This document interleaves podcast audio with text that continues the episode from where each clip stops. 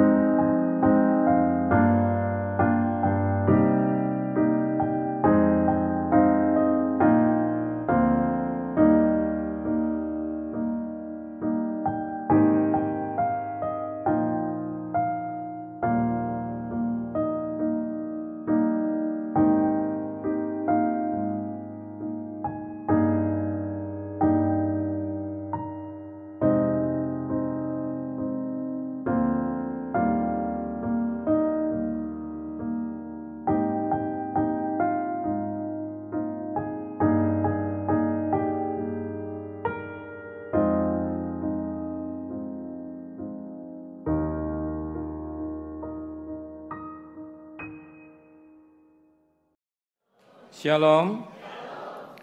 Terima kasih kepada Tuhan Yesus untuk waktunya bisa sharing di tempat Anda. Dan salam hormat jika ada teman sejawat, medis atau siapa pun Anda yang bergerak di bidang kesehatan. Saudara siap diberkati Tuhan, saudara? Hari ini kita akan belajar sesuatu yang baru tentang kesehatan di dalam Tuhan. Di dalam tugas sehari-hari sebagai pengajar kesehatan, saya sering melihat bahwa ilmu kami nggak berguna kalau kita ketemu pencipta kami. Ada banyak kesaksian di dalam kehidupan kami yang akan saya ceritakan nanti hari Kamis tentang doa dan mujizat, di mana ada seseorang banyak yang sudah sakit tidak bisa sembuh, tapi didiagnosa pasien itu sembuh. Osteoporosis, patah tulang, tidak ada obatnya.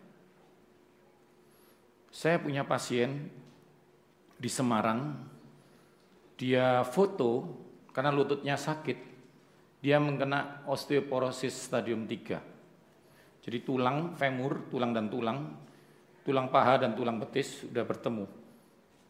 Jadi udah nggak ada cairannya sehingga duduk aja sakit. Terus dia tanya sama saya, e, jusnya, jus karena saya ahli pangan, saya mengaturkan pangan pasien, saya bilang sorry, osteoporosis nggak ada obatnya. Tapi coba kamu pergi ke Malaysia atau ke Singapura, foto lagi.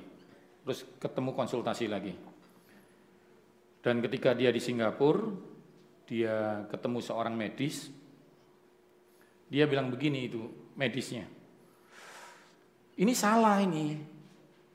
Kamu enggak kena osteoporosis stadium 3. Nah, pasien ini senang, saudara. Puji Tuhan. Wih Tuhan baik. Ternyata saya enggak osteoporosis. Lalu medisnya bilang, enggak, enggak, maksud saya ini bukan stadium 3, ini stadium 4 gitu.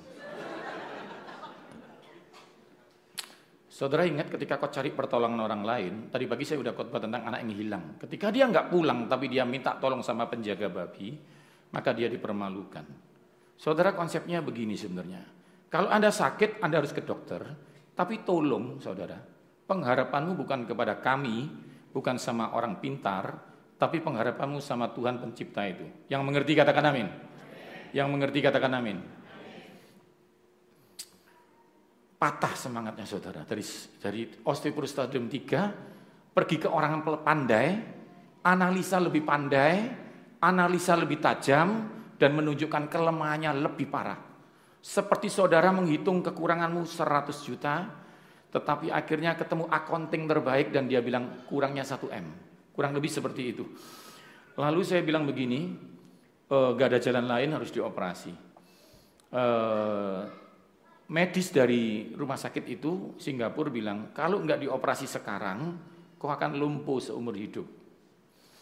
Lalu saya bilang, dia panggil saya Ko Yohanes gitu, saya bilang, oke okay, nggak apa-apa deh, tapi tolong di detik-detik terakhir ini ambil tanganmu, bilang sama Tuhan Yesus, Tuhan pertolonganku bukan dari kesehatan. Pertolonganku dari pencipta tulang. Yang setuju katakan amin. Memang kalau sudah businya rusak, sepeda motor gak usah didoakan. Ganti aja busi. Konsepnya Anda menyembah Tuhan pencipta. Yang mengerti katakan amin. Saya tanya begini. Kukumu masih tumbuh enggak? Masih tumbuh. Kukumu tumbuh bukan dari jumlah rekeningmu. Karena Tuhan masih intervensi hidupmu. Mau tepuk tangan buat Tuhan Yesus, saudara? Jadi kalau mata Anda nggak cukup melihat kuasa Tuhan, bukan berarti Tuhan tidak berkuasa. Kalau telinga Anda belum mendengar kabar baik tentang Tuhan, bukan berarti Tuhan tidak baik. Karena Anda ini special edition, diciptakan bukan untuk melihat dan mendengar, tetapi hatimu percaya kepada Tuhan. Mau tepuk tangan buat Tuhan Yesus, saudara?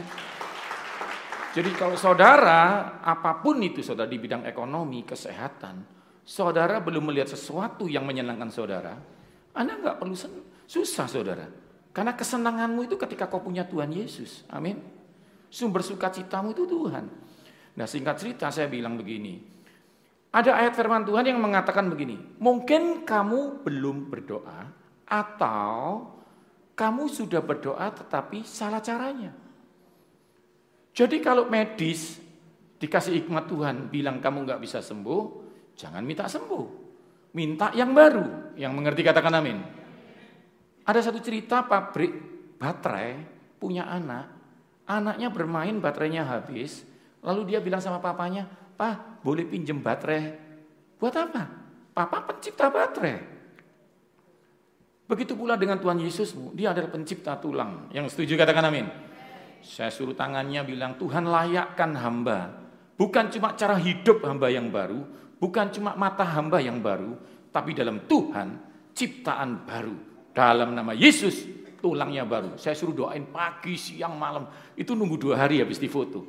Akhirnya adalah hari H dia dioperasi. Waktu dokternya itu datang, dia tanya dulu, ini gulanya stabil? Stabil. Uh, siap, siap. Semua udah disiapin perlengkapan operasi, saya mau lihat fotonya. Waktu dilihat foto, medis ini kaget sampai kertasnya itu jatuh, diambil sama susternya, terus dia bicara begini, ini fotonya? Iya. Enggak salah foto? Enggak. Ini bukan foto dari Indonesia? Bukan, foto di rumah sakit kita. Ini aneh. Jadi begini, pasiennya ini umurnya 49. Itu fotonya bukan foto orang umur 49, foto tulang anak SMP, ciptaan baru. Mau tepuk tangan buat Tuhan Yesus, saudara? Kalau saudara bertemu Tuhan Yesus, one night with the King changes everything. Kalau kau ketemu Tuhan pagi ini, saudara, bukan cuma hidupmu yang dibikin baru, tapi dalam nama Yesus jantungmu baru Pastor yang sakit di rumah, enggak masalah. Satu orang bertemu Yesus, satu rumah diselamatkan Tuhan. Jadi saudara dengarkan saja, hari ini saya akan ajarkan tentang diabetes. Diabetes itu menyerang kita. Sebenarnya diabetes itu seperti sesuatu virus yang menyerang semua orang. Virus itu datang di kota Anda, tidak pernah tanya dan permisi kepada Anda. Inflasi pun naik tanpa permisi sama Anda. Tapi orang yang punya Tuhan akan terlewatkan semua itu. Walaupun seribu sebelah sisiku rebah dan sepuluh ribu kananku rebah, aku tidak akan terhampiri saudara. Amin saudara. Nanti saudara bisa bicara begini, walaupun seribu sebelahku diabetes dan sepuluh ribu sebelahku stroke, aku tetap sehat di hadapan Tuhan. Mau tepuk tangan buat Tuhan Yesus saudara. Tapi ingat saudara, tadi pagi kita belajar iman tanpa tindakan sia-sia. Ada satu cerita murid Yesus dalam satu perahu yang sama, muridnya 12, murid Yesus yang sama, perahunya sama, Galileanya danonya sama, badainya sama, Yesus datang yang sama. Saya ulangi lagi, Yesusnya sama, masalahnya sama, perahunya sama, seperti saudara hari ini gerejanya sama, gembalamu sama, Yesusnya sama.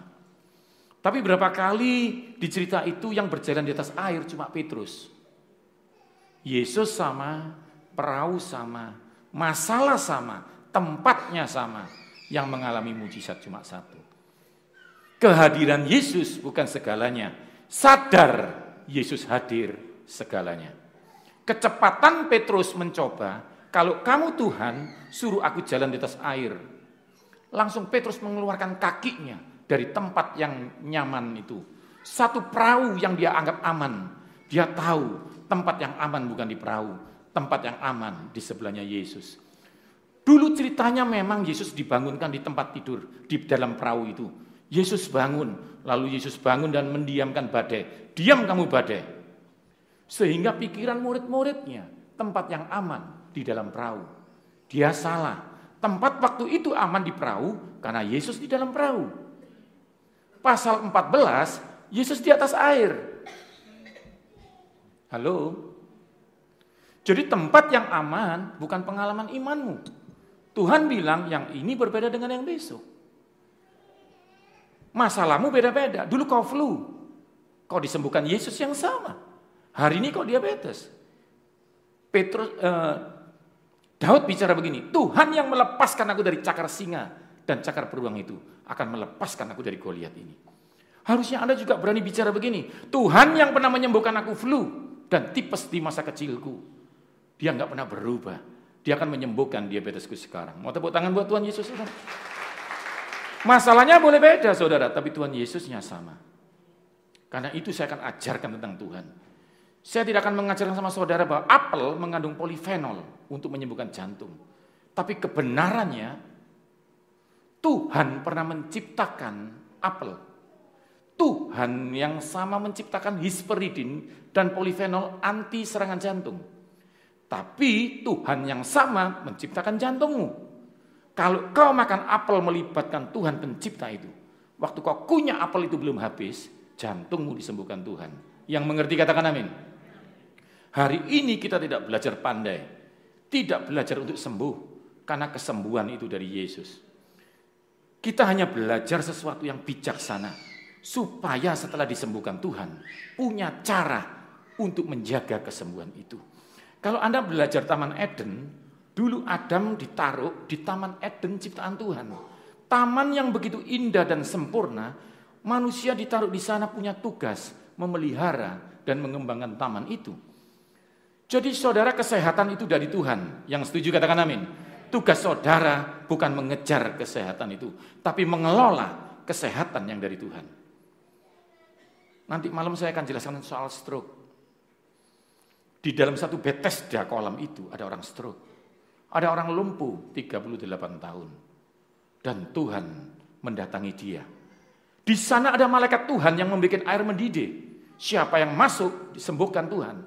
Di sana ada malaikat Tuhan, ada kuasa Tuhan, tapi orang ini tetap lumpuh. Sampai Yesus datang kepadanya. Saya mau ngomong sama saudara, kau punya Tuhan yang sama. Tapi hari ini Tuhan bicara sesuatu spesifik dalam hidupmu. Kamu dan sekeluargamu akan disembuhkan Tuhan. Yang mengerti katakan amin. Yang mengerti katakan amin.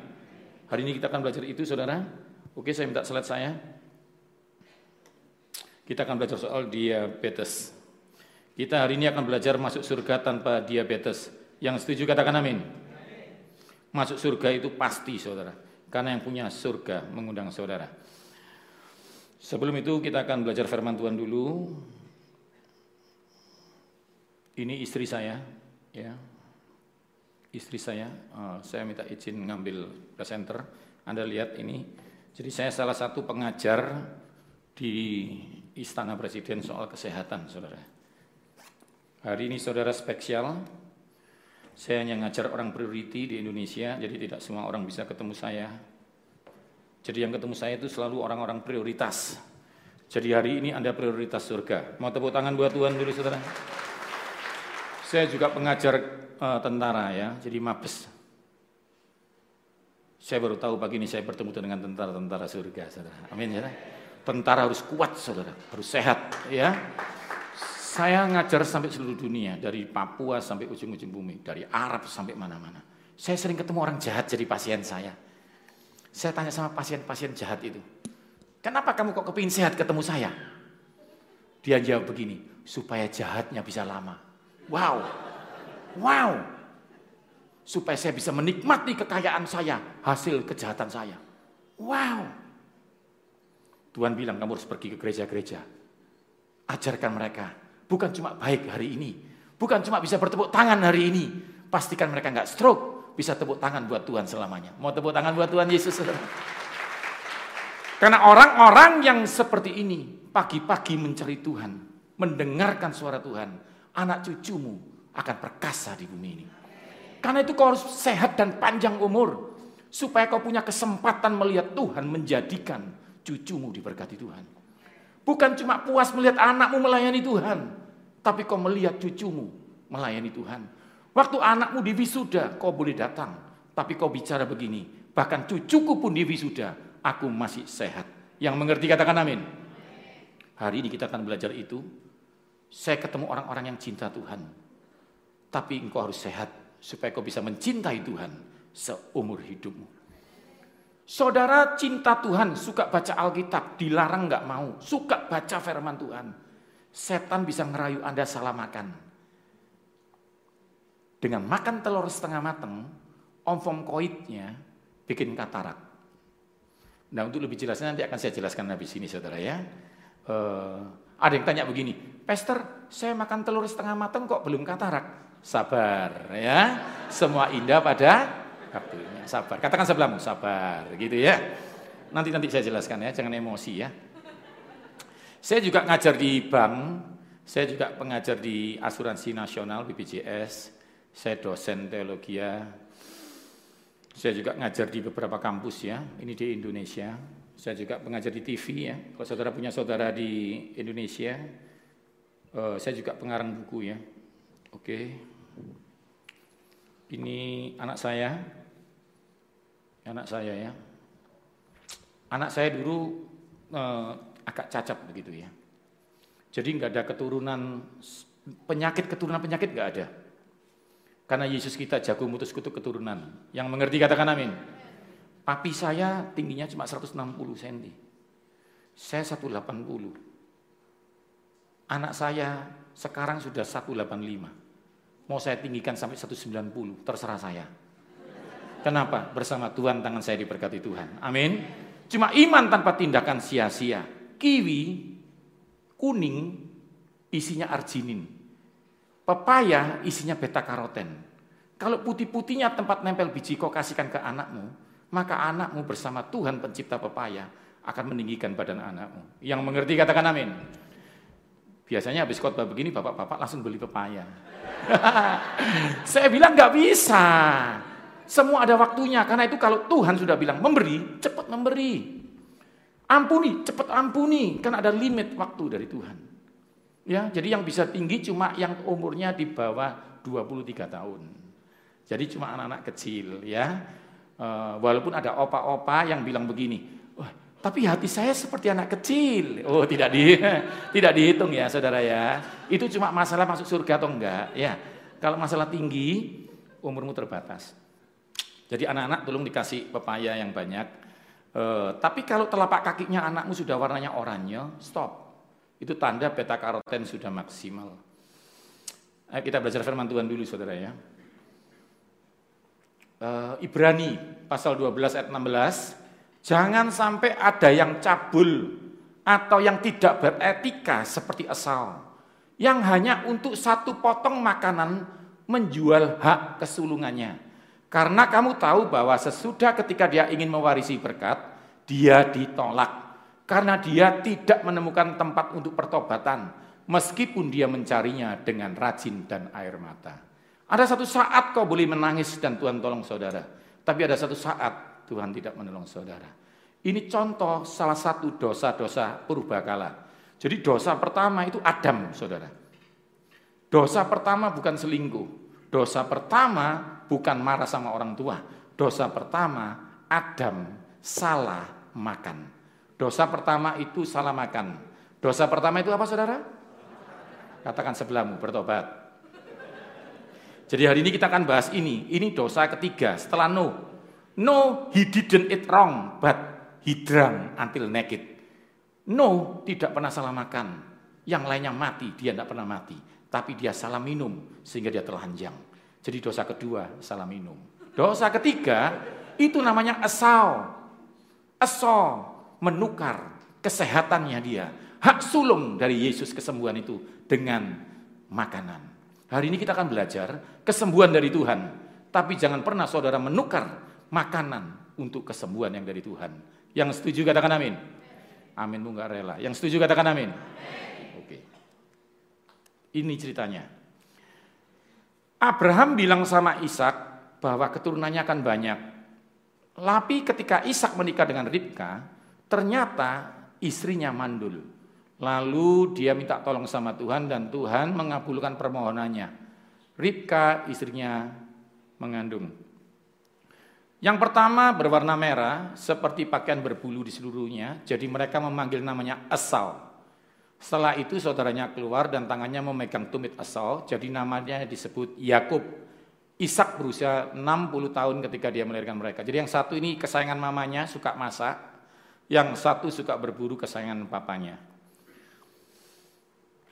Satu saat Yakub ini memasak sup kacang merah. Esau punya hak sulung. Lalu Esau pulang dari berburu, dia lelah, tiba-tiba dia mencium bau makanan. Dan Esau berkata kepada Yakub, "Tolong beri saya makan dengan supmu itu karena saya sudah lelah." Tapi Yakub berkata begini, "Jual dulu hak kesulunganmu." Saudara, sebenarnya yang punya hak sulung atas tanah itu Esau. Jadi kacangnya yang dimasak Yakub itu kacangnya Esau. Harusnya dia mintanya begini aja. Kamu curi kacang saya ya. Kasihin saya, udah beres. Kalau kau sadar kau punya hak, seperti Hawa nggak sadar dirinya secitra dengan Tuhan, digoda sama ular. Kalau kau makan ini kau seperti Tuhan. Padahal Hawa sudah seperti Tuhan. Lalu saut Esau, Aku akan mati, jadi apa gunanya hak lahirku ini? Anda lihat saya, saya dalam praktek sehari-hari ketemu pasien yang aneh-aneh. Sudah sakit diabetes, gula darahnya sudah 400, saya bilang jangan minum soda.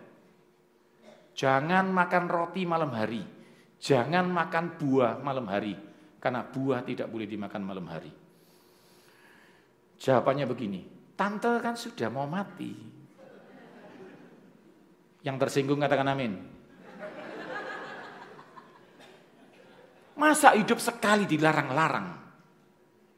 Saya bilang, tante kalau hidupnya tiga kali enak. Yang pertama kanker, bosen. Yang kedua stroke, yang ketiga sehat. Tapi karena sekali harus sehat. Yang mengerti katakan amin. Katakan sebelahmu, harus sehat. Jadi kalau yang dikasih tahu ngelanggar terus itu keturunannya asal, ya, ngerti ya? Ini firman loh, bukan saya ya. Lalu Yakub bicara, kamu harus sumpah dulu dan menjual itu kepada saya.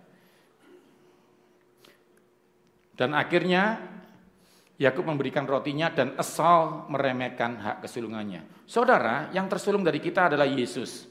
Dia sudah mati buat kita, supaya kita menjadi yang sulung, punya hak kesulungan. Apakah itu bilur-bilurnya menyembuhkan saudara? Yang setuju katakan amin. Jangan lagi saudara belajar dari firman Tuhan ini, menukar kenikmatan makanan itu hanya untuk meremehkan kasih Yesus. Jadi hari ini kita akan belajar, jangan makan ini, makan yang ini. Bukan untuk sembuh, karena kesembuhan dari Tuhan. Amin saudara. Hanya untuk mengerjakan hak sulungmu itu, bahwa Tuhan sudah tebus engkau. Ada seorang mama masak nasi untuk anaknya. Seorang mama belum tentu pandai menggambar, tapi seorang mama pasti pandai menyiapkan makanan buat anaknya. Seorang mama masak nasi tidak menunggu anaknya request. Ma, jangan lupa ya ma, aku masih hidup ma. Besok masak buat saya ma. Tidak perlu. Tapi ada satu saat seorang mama masak nasi, anaknya kelaparan. Kasih mama tidak cukup, butuh respon seorang anak membuka tempat makanan itu dan makan dan berterima kasih kepada mama. Ada seorang anak yang lucu berbicara begini, "Mama, saya tidak apa-apa, tidak usah makan, asal punya mama." Loh, mama sudah terlanjur masak, kamu harus makan. Tidak perlu mama, mati juga nggak apa-apa, asal punya mama. Yesus sudah menyembuhkan saudara. Yang setuju katakan amin. Saudara nggak boleh lagi bilang begini, nggak apa-apa saya diabetes, asal punya Yesus. Nggak apa-apa saya sakit, asal saya masuk Yesus. Karena Tuhan sudah terlanjur mati dan saudara wajib sembuh. Yang mengerti katakan amin. Yang mengerti katakan amin. Katakan sebelum pasti sembuh. Sekarang kita masuk di materi ini. Saya akan kasih gambar yang agak mengerikan supaya saudara kalau keluar nanti makan siang hati-hati. Oke ya? Nah, ini ya. Sabar ya, ini paling gambar paling sopan ya. Sebenarnya dia harusnya dipotong ini. Jadi diabetes ini ada dua, tipe 1 dan tipe 2. Saudara siap diberkati Tuhan? Saudara akan belajar agak sulit, ini semester 4 banyak yang enggak lulus. Saudara ini bukan medis, tapi hari ini belajar kesehatan. Itu berarti Tuhan cinta saudara. Saya ini pemimpin saudara, saya punya banyak manajer. Saya nggak akan sekolahkan manajer saya kalau dia tidak menghasilkan sesuatu buat saya. Kalau saudara bukan orang kesehatan hari ini hadir tanpa direncanakan, Tuhan ingin Anda belajar diabetes. Berarti Anda ini bagi surga menguntungkan pihak surga. Jadi surga menganggap saudara ini bermanfaat hidup itu. Karena itu Tuhan ingin saudara panjang umur. Yang mengerti katakan amin. Gunakan hak ini dengan baik. Tidak semua dipilih Tuhan untuk hidup. Hari ini Tuhan ingin Anda maksimal. Karena diabetes ini mengerikan. Dia bukan penyakit, tapi dia jumlahnya terlalu banyak. Sehingga membuat tangan Anda bisa dipotong. Membuat mata Anda bisa buta. Bagaimana Pak yang terlanjur sakit? Tenang. Tuhan itu sungguh baik saudara. Tinggal saudara bilang minta ampun Tuhan. Ampuni salah makan saya. Saya tidak menjaga bait suci ini. Tuhan itu setia. Kalau saya menolak saudara di klinik, kalau dokter menolak saudara di klinik, Tuhan saudara tidak pernah menolak saudara. Yang mengerti katakan amin. Tugasmu cuma satu hari ini, percaya kesembuhan itu sungguh ada. Ya, oke, kita masuk mulai saudara. Lihat ini semua, konsentrasi di sini semua. Saya akan tunjukkan. Yang ini pester. Saya pester, orang baik, pinter sekolah, terhormat, ini pasien biasa-biasa saja. Tapi bangun tidur, Tuhan adil, gulanya sama-sama 70, sama-sama 70. Ke gereja, enggak ke gereja, bangun tidur, enggak ada gulanya. Jumlah gula darah setiap orang harus di bawah 100. Anda sekarang lihat perempuan ini ya. Dia bangun tidur, makan sesuatu. Dia minum teh manis. Maka gulanya naik. Jadi 90. Lalu dia makan roti. Tetap naik gulanya. Walaupun sudah didoakan. Doa tidak merubah nutrisi. Yang mengerti katakan amin. Pak sudah saya doakan dalam nama Yesus, tetap naik. Kau harus ngerti ini sehingga kau sekarang tidak akan mendoakan sesuatu yang salah. Karena doamu tidak merubah nutrisi. Anda lihat gulanya berapa? Naik. Makan lagi, maka naik. Nah sekarang kita lihat pendeta ya, Pak Yohanes Sunardi. Ini kan orang biasa ini. Ya, kita lihat pendeta ini. Pendeta pinter macam-macam. Kita lihat, dia makan sesuatu, tetap naik. Tetap naik. Jabatanmu tidak mempengaruhi gula darahmu. Yang mengerti katakan amin. Berarti ya saudara ya sekarang ya. Yang ikut som atau tidak ikut som, jaga makan. Yang mengerti katakan amin. Aminmu nggak rela. Yang mengerti katakan amin. Makan lagi, tetap naik. Minum lagi manis, tetap naik. Ketika kita mengkonsumsi karbohidrat, maka gula akan naik. Kalau dia lebih dari 100 disebut diabetes. Tapi Tuhan itu baik, dia menciptakan namanya pankreas. Maka pankreas ini akan menghasilkan hormon insulin dan insulin akan menarik kelebihan gula. Contoh, perempuan yang sama dan laki yang sama, punya Tuhan yang sama, punya pankreas yang sama. Kita lihat responnya. Maka pankreas ini mengeluarkan insulin maka gula ini ditarik ke tangannya. Maka yang terjadi gulanya tinggal tiga, jumlahnya berkurang. Lalu insulin mengeluarkan lagi, bekerja di dadanya supaya ototnya menarik gula. Lalu gulanya jadi turun lagi. Tapi 100 masih batas normal, harus di bawah 100. Maka insulin mengeluarkan lagi, maka menarik gula sisanya dan ditarik ke kaki dan gulanya normal menjadi 70. Jadi insulin membantu saudara tidak diabetes. Anda lihat saya punya insulin yang sama. Tapi gulanya nggak mau ditarik. Keluar lagi jadi tetap 4. Saya keluarkan insulin lagi. Gulanya nggak mau masuk, masih di dalam darah. Sehingga jumlah gulanya masih 200. Tambah lagi, tetap nggak bergoncangkan. Maka yang ini disebut sehat, yang ini disebut diabetes. Sejauh ini yang mengerti katakan amin. Sama-sama punya insulin, tapi yang satu tidak bekerja. Hari ini kita akan belajar mengapa insulin saya tidak bekerja.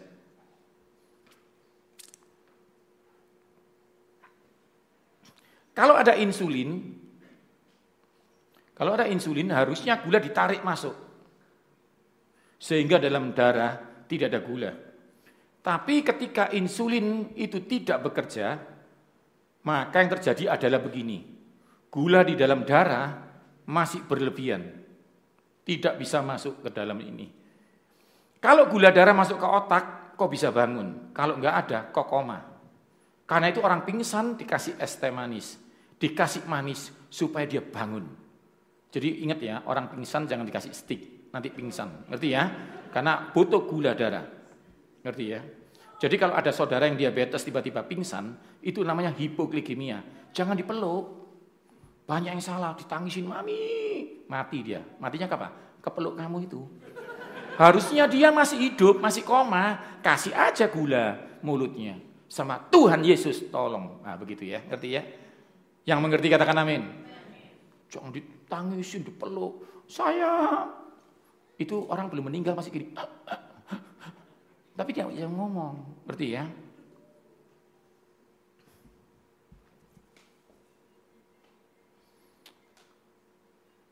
Ini nggak usah dibahas, tapi nanti akan saya bahas di hari Selasa. Stres meningkatkan gula 300% tanpa salah makan. Katakan sebelahmu, jangan stres. Pak stres gara-gara apa? Semua yang masih muda, sekarang pasien saya banyak anak SMA, banyak muda. Karena dia kena ujian nggak bisa. Ada anak SMP, SMP, SD itu 9 kali 9 berapa ya? Yesus. Diabetes. Yang tua investasinya turun, diabetes. Ada seorang mertua jaga makan vegetarian, nggak minum manis, diabetes. Kenapa? 40 tahun tinggal sama menantu yang kayak macan itu, ngerti ya? Jadi Tuhan bilang ampuni musuh-musuhmu. Jangan kamu khawatir, maksudnya Tuhan apa? Jangan dia diabetes. Untuk mengerti itu, datangnya selasa saya akan jelaskan hubungan stres dan diabetes. Kenapa marah-marah itu menghasilkan gula darah? Nah, nanti kita belajar. Bahkan ada petinju ya atau orang yang mau kalah jadi sehat. Kenapa itu? Nah, itu nanti kita belajar. Kenapa ada yang futsal stroke? Kenapa ada orang badminton malah stroke? Nah, nanti kita belajar itu. Sekarang kita belajar soal ini. Tanda-tanda diabetes. Gereja hanya belajar tanda-tanda akhir zaman, saudara. Jadi akhirnya belum akhir zaman sudah diabetes semua. Hari ini kita berdoa dan berjaga-jaga. Hari ini kita harus tahu tanda-tanda diabetes. Yang pertama, lelah, nyetir, dengar khotbah, begini. Ini sudah setengah jam lebih saya ngomong, 30 menit saudara. Terasa enggak saudara? Saya terasa saudara. Tapi bukan berarti saya diabetes, karena saya berdiri saudara duduk. Ngerti ya? Kalau Anda nggak lelah, berarti Anda sehat. Mau tepuk tangan buat Tuhan saudara. Ini penting. Masa lihat biskop, lihat sinema gitu, lelah. Yang kedua, luka sukar sembuh. Jerawat enggak sembuh-sembuh. Ya, jerawat itu pasti ada sih. Cuma itu hanya tanda. Di sini jerawat berarti pencernaanmu terganggu. Di sini berarti paru-paru terganggu. Di sini, di mulut sini, dari sini berarti lagi mens. Lu pester, tapi suami saya juga di sini, berarti suamimu mens, gitu. Normalnya nggak mungkin laki-laki di sini itu ya. Di punggung itu berarti kurang vitamin A gitu ya. Jadi kami ini nggak sakti, kami ini hanya belajar tanda-tanda sehingga kami tahu oh kurang wortel gitu aja ya. Itu kerjanya. Lalu ada yang beratnya turun mendadak, bukan kurus loh. Turun mendadak dari gemuk makan banyak langsung langsing mendadak. Bukan berarti sebelahmu yang kurus diabetes loh ya. Maksud saya dari gemuk kurus. Saya tahu punya pasien itu ada tiga jenis. Yang pertama namanya mesomorph lahir langsung bagus badannya. Ada itu. Ada yang lahir namanya ektomorf, kurus terus, makan banyak kurus, makan dua piring kurus. Saya punya pasien itu makan semangka satu gini habis fitness. Saya tanya, loh kamu ini perempuan atau goliat kamu? Perempuan itu makan bisa banyak begini. Tapi ternyata dia ektomorf. Nah golongan terakhir memang nggak enak disebut. Dia endomorf. Gampang gemuk saudara, kasihan ini. Dia makan dikit aja gemuk. Kadang-kadang nggak makan, cuma lihat aja gemuk saudara. Nah, ini namanya endomorph. Tapi jangan bingung, nanti saya ya di retreat, saya akan ajarkan. Saya salah satu pengajar beberapa artis-artis saudara ya, nanti akan saya ajarin. Retreat yang belum ikut, ikut ya, nanti akan saya ajari rahasianya. Menghilangkan lemak di pinggang. Ya, kita mau belajar masuk surga tapi langsing. Amin saudara. Beri tepuk tangan buat Tuhan dulu saudara. Lalu saya akan juga ajarkan begini. Yang ini saudara, kelelahan, suka minum gitu ya, minum berlebihan. Lalu yang lapar berlebihan. Ya, ada yang matanya buram. Ini ciri-cirinya saudara. Terus paling paling penting ini saudara, sering kram. Jadi kram itu sudah tanda-tanda saudara. Kedua, kencing berlebihan. Jadi malam hari itu kencing empat kali dalam semalam. Itu tanda-tanda. Jadi saudara kalau sudah ada tanda-tanda itu jangan takut, Bilang aja Tuhan Yesus tolong saya. Nanti saya ajarkan cara makannya. Hindarin yang membuat diabetes. Makan jus-jusnya. Contoh. Nanti malam akan saya jelaskan. Anggur merah 10 biji. Isinya resveratrol. Ketika dikunyah seorang laki-laki. Maka dia akan buka sumbatan struknya. Yang mengerti katakan amin. Anggur hitam isinya polifenol buat katup jantung. Beda banget. Yang anggur hijau isinya juga lesitin. Nah, nanti itu akan belajar nanti malam. Tapi hari ini akan saya ajarkan jus untuk diabetes.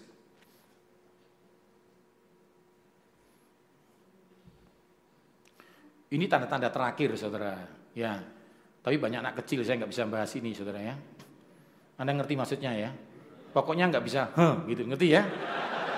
Nggak ngerti? Nggak enak tuh banyak anak kecil-kecil ya. Tadi pagi sudah saya ajarin bahasa Mako, masa saya ulang saudara? Ting for tang, ngerti saudara? Masih nggak ngerti saudara? Nanti kalau ditanya anak-anakmu itu apa pak? Roti tawar gitu aja ya. Pokoknya anda ngerti gitu loh. Dan ini terjadi saudara. Padahal gampang ini saudara. Kasih aja jus buahnya gitu aja. Ya, langsung bisa. Hmm, gitu lagi saudara. Gampang kok saudara. Saudara mau saya ajarin sekarang atau retreat? Gak mau. Duh yang mau kok ibu-ibu sih kenapa sih? Mama-mama semangat ya. Ayo kita belajar ini. Penyebab diabetes. Yang pertama kekurangan tidur. Pester, saya udah tidur 8 jam. Tapi lelah. Berarti tidurmu tidak berkualitas. Minum segelas susu kalsium sebelum tidur, maka lingkar pinggangmu akan mengecil. Yang kedua, triptofannya akan meningkatkan kualitas tidurmu. Kalau Anda minum susu rendah lemak, tinggi kalsium sebelum tidur, triptofannya akan membuat tidurmu 4 jam, kualitasnya seperti 8 jam. Yang mengerti katakan amin.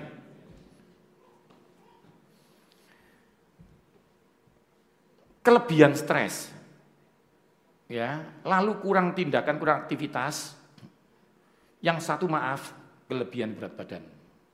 Lingkar pinggang tidak boleh lebih dari 80 cm kalau wanita. Kalau laki-laki jangan lebih dari 90 cm. Gak usah dipegang, percuma saudara.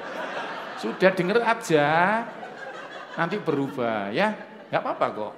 Tetap masuk surga saudara ya. Yang terakhir, ya ini karena makan berlebihan. Saya udah belajar, kemarin saya udah survei semua makanan di sini. Anda memang ke negeri yang luar biasa, saudara. Kayak kanaan, ya. Besar-besar. Maksud saya begini, maaf, saya salah ngomong. Anggurnya bagus. Kemarin saya udah lihat, saya gigit anggurnya. Saya kan chef, saudara, jadi saya tahu. Wah, kualitasnya bagus banget, saudara. Ya, tinggal nanti ternyata kesalahannya Anda cuma di porsinya aja. Kata Yesus kalau kita makan harus secukup secukupnya. Katakan sebelahmu secukupnya.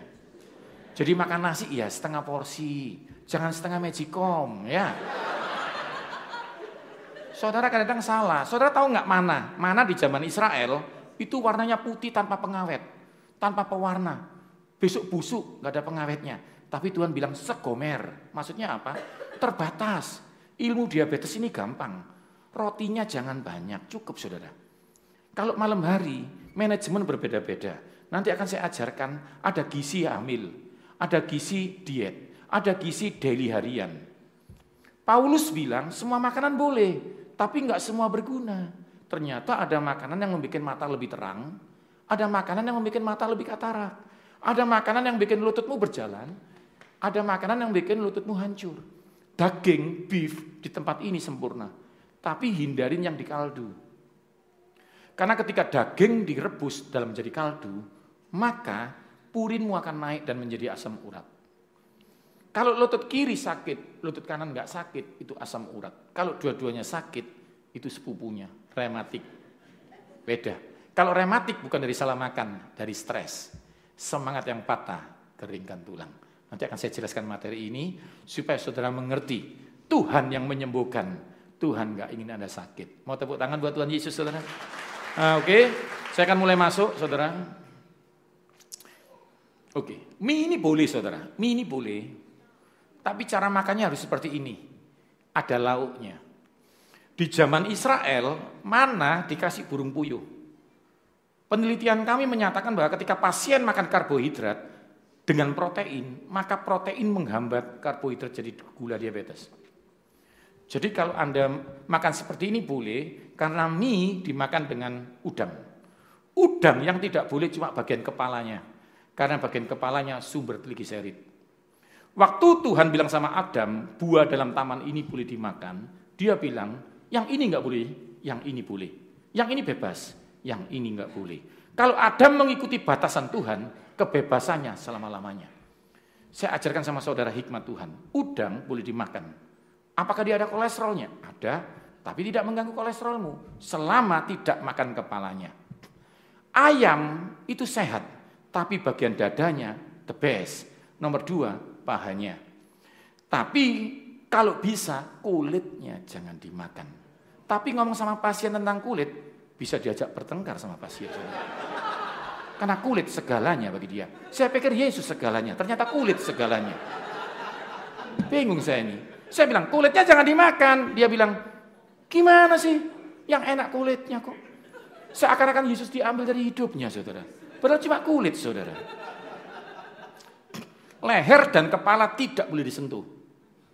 Karena sumber cancer. Jangan bilang kok saya belum cancer, saudara ya. Sabar, kan begitu jawabannya, saudara. Saya kalau periksa pasien, lidahnya keluar, lihat matanya.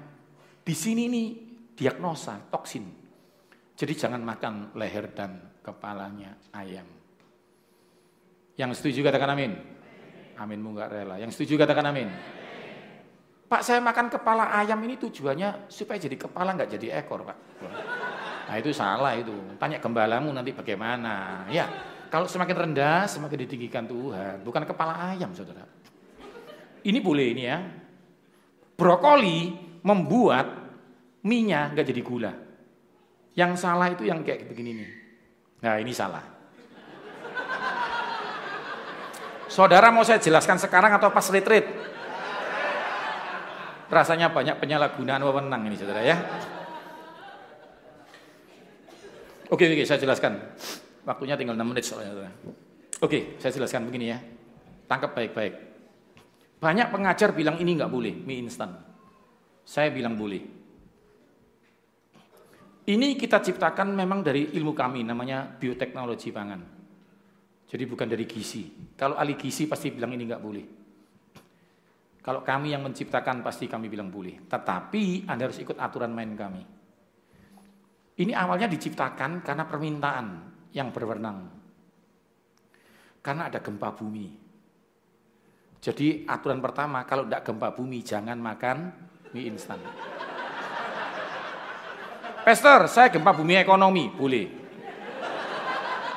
Ya, tapi kalau sudah tidak gempa bumi ya tolong ya jangan. Yang kedua aturannya, saya sudah bilang sama orang-orang hebat itu, Pak ini nggak ada nutrisinya loh. Kalau makan ini nanti nggak bisa pinter, nggak apa-apa, asal hidup. Nah, dengerin saya ya. Jadi kalau Anda makan mie instan ini, Anda tetap hidup, keren, tapi diajak ngomong begini. Hah? Hah? Gitu. Ngerti ya? Jadi ini tidak ada nutrisinya. Kecuali saudara ikut aturan main kami. Kita kasih gambarnya telur. Karena protein menghambat mie jadi diabetes. Katakan sebelahmu, jangan pakai nasi. Yang ngajari begini siapa coba ini?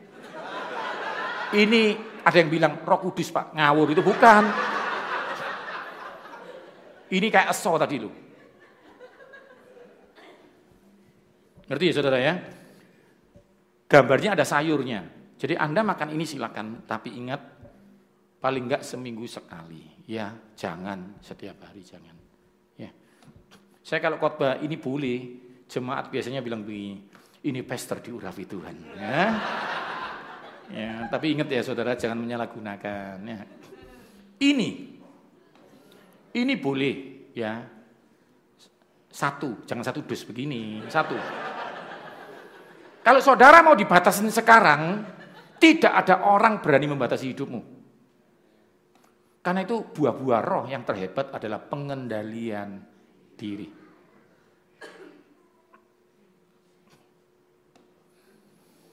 Ini boleh, tapi setahun sekali pas ulang tahun saja. Pester, besok ulang tahunnya teman. Pester, besok ulang tahunnya mertua. Pester. Nah, nggak bisa, saudara. Godaannya sampai akhir zaman ada, saudara.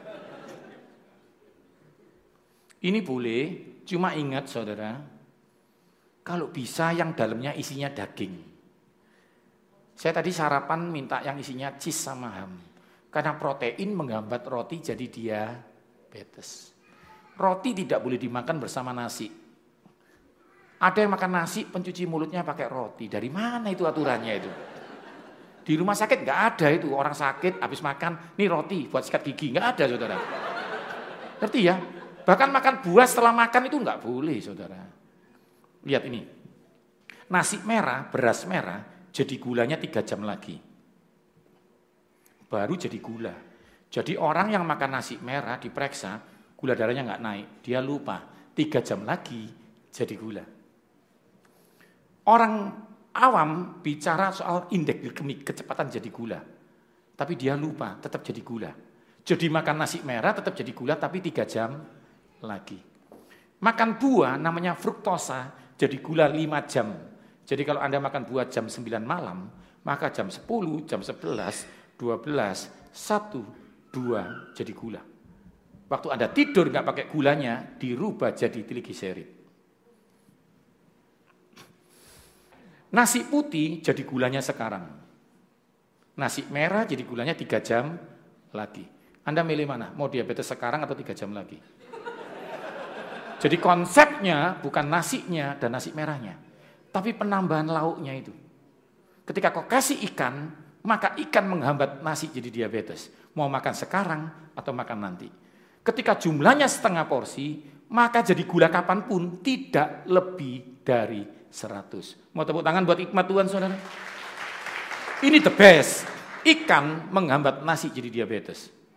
Sayur menghambat nasi jadi diabetes.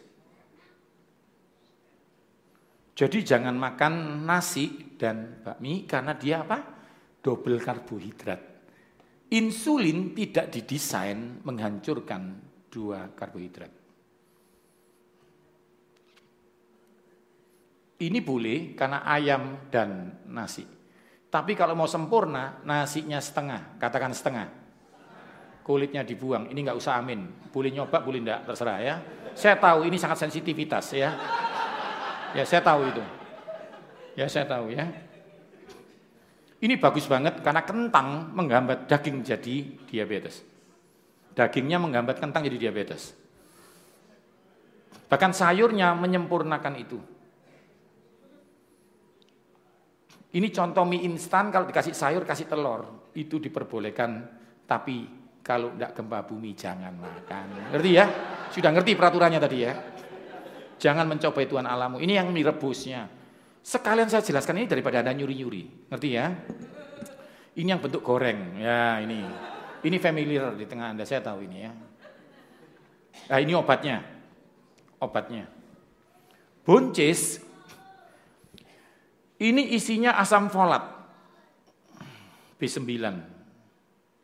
Dia bikin tulang nggak bisa bungkuk. Jadi orang yang minum jus buncis atau makan buncis nggak bisa bungkuk. Dia bisa tegap. Namanya asam folat. Apel isinya polifenol buat jantung. Tapi kalau kedua-duanya di blender bersama, mengaktifkan insulin. Tepung dan telur ketika dikocok-kocok, ditekuk-tekuk, ditarik-tarik jadi bakmi. Tapi tepung dan telur yang sama di mixer di oven jadi brownies. Pengolahan merubah struktur kimia. Dikunyah dan di blender berbeda. Pak bisa nggak saya makan apel dan buncis nanti yang blender perut saya? Tidak bisa. Saya kasih contoh, saya kasih contoh. Jangan emosi, saya kasih contoh. Tepung dan telur nggak di mixer dimasukkan oven, biar oven yang mixer. Jadi apa itu? Anda ngerti maksud saya ya? Gigi punya amilase. Ketika apel dikunyah, maka yang terjadi adalah polifenol buat jantung. Tapi ketika dimasukkan tanpa menyentuh gigi di blender, maka yang bekerja di sakarasa. Ini perbedaan-perbedaan, jadi saudara harus ngerti. Yang kedua, tidak tahu ini di negara Anda ini ada nggak? Ada nggak ini? Ini the best. The best ini. Ini dipotong jadi dua, pare ini dipotong jadi dua, dibuang bijinya di blender. Hepatitismu hilang, sembuh. Lalu diabetesmu sembuh. Tapi saya kasih tips satu ya, nggak usah didoakan, tetap pahit ini ya, tetap pahit ini. Saya udah saya udah coba saudara, dalam nama Yesus tetap pahit saudara. Tapi yang hebat diabetesmu sembuh. Mau tepuk tangan buat Tuhan Yesus saudara. Ini penciptanya Yesus saudara. Saudara harus aktifkan Yesus dalam hidupmu. Ikan, ikan menyembuhkan saudara ya. Bawang merah. Nanti Anda baca sendiri ya di bilangan 11 ayat 5. Saudara terkejut, kenapa Israel tidak ada diabetes? Kenapa Yesus tidak pernah menyembuhkan diabetes? Bilangan 11 ayat 5. Dia bilang begini, aku teringat akan bawang merah, bawang putih, semangka, melon, ikan yang dimakan di Mesir. Jadi orang Israel itu tinggal di Mesir, tapi gaya makannya nggak seperti orang Mesir. Tuhan taruh engkau di negeri ini, tapi asalmu dari surga. Yang setuju katakan amin. Bukan cara bicaramu yang seperti surga, tapi cara makanmu juga sesuai surga. Maka suasana surga itu akan pindah ke bumi dan Anda diberkati Tuhan. Mau tepuk tangan buat Tuhan saudara? Ini yang paling penting saudara. Waktu saya habis, singkat cerita ini terakhir. Kalau Anda lari atau berjalan cepat, jadi nggak usah lari kalau yang sudah umur, jalan cepat. Jalan cepat, bukan jalan. Jalan cepat. Dalam 10 menit gula darahmu turun. Pastor, saya udah di mall jalan-jalan setiap hari. Mall belum buka saya ada, mall tutup saya belum pulang. Kenapa saya masih diabetes? Ya karena di mall. Setengah meter minum, setengah meter makan. Jadi harus jalan-jalan di luar. Ngerti ya? 10 menit setiap hari gula darahmu turun. Beri tepuk tangan buat Tuhan Yesus, saudara. Hari ini yang dipelajari nggak banyak, tapi cukup membuat Anda menjadi maksimal setelah disembuhkan Tuhan. Yang pertama, jangan makan double karbohidrat. Bakmi, roti dipisah. Roti dan nasi dipisah. Jadi boleh makan roti, nanti malam kalau mau makan roti, tolong yang pagi ini kentang gitu aja ya. Diatur sendiri sehingga Anda diberkati Tuhan. Setiap karbohidrat harus ada lauknya. Ya, kita berdoa. Taruh tanganmu di dadamu supaya ada kesembuhan hari ini. Siapa pun penyakitmu, siapa pun masalahmu, saudara akan disembuhkan Tuhan. Taruh tanganmu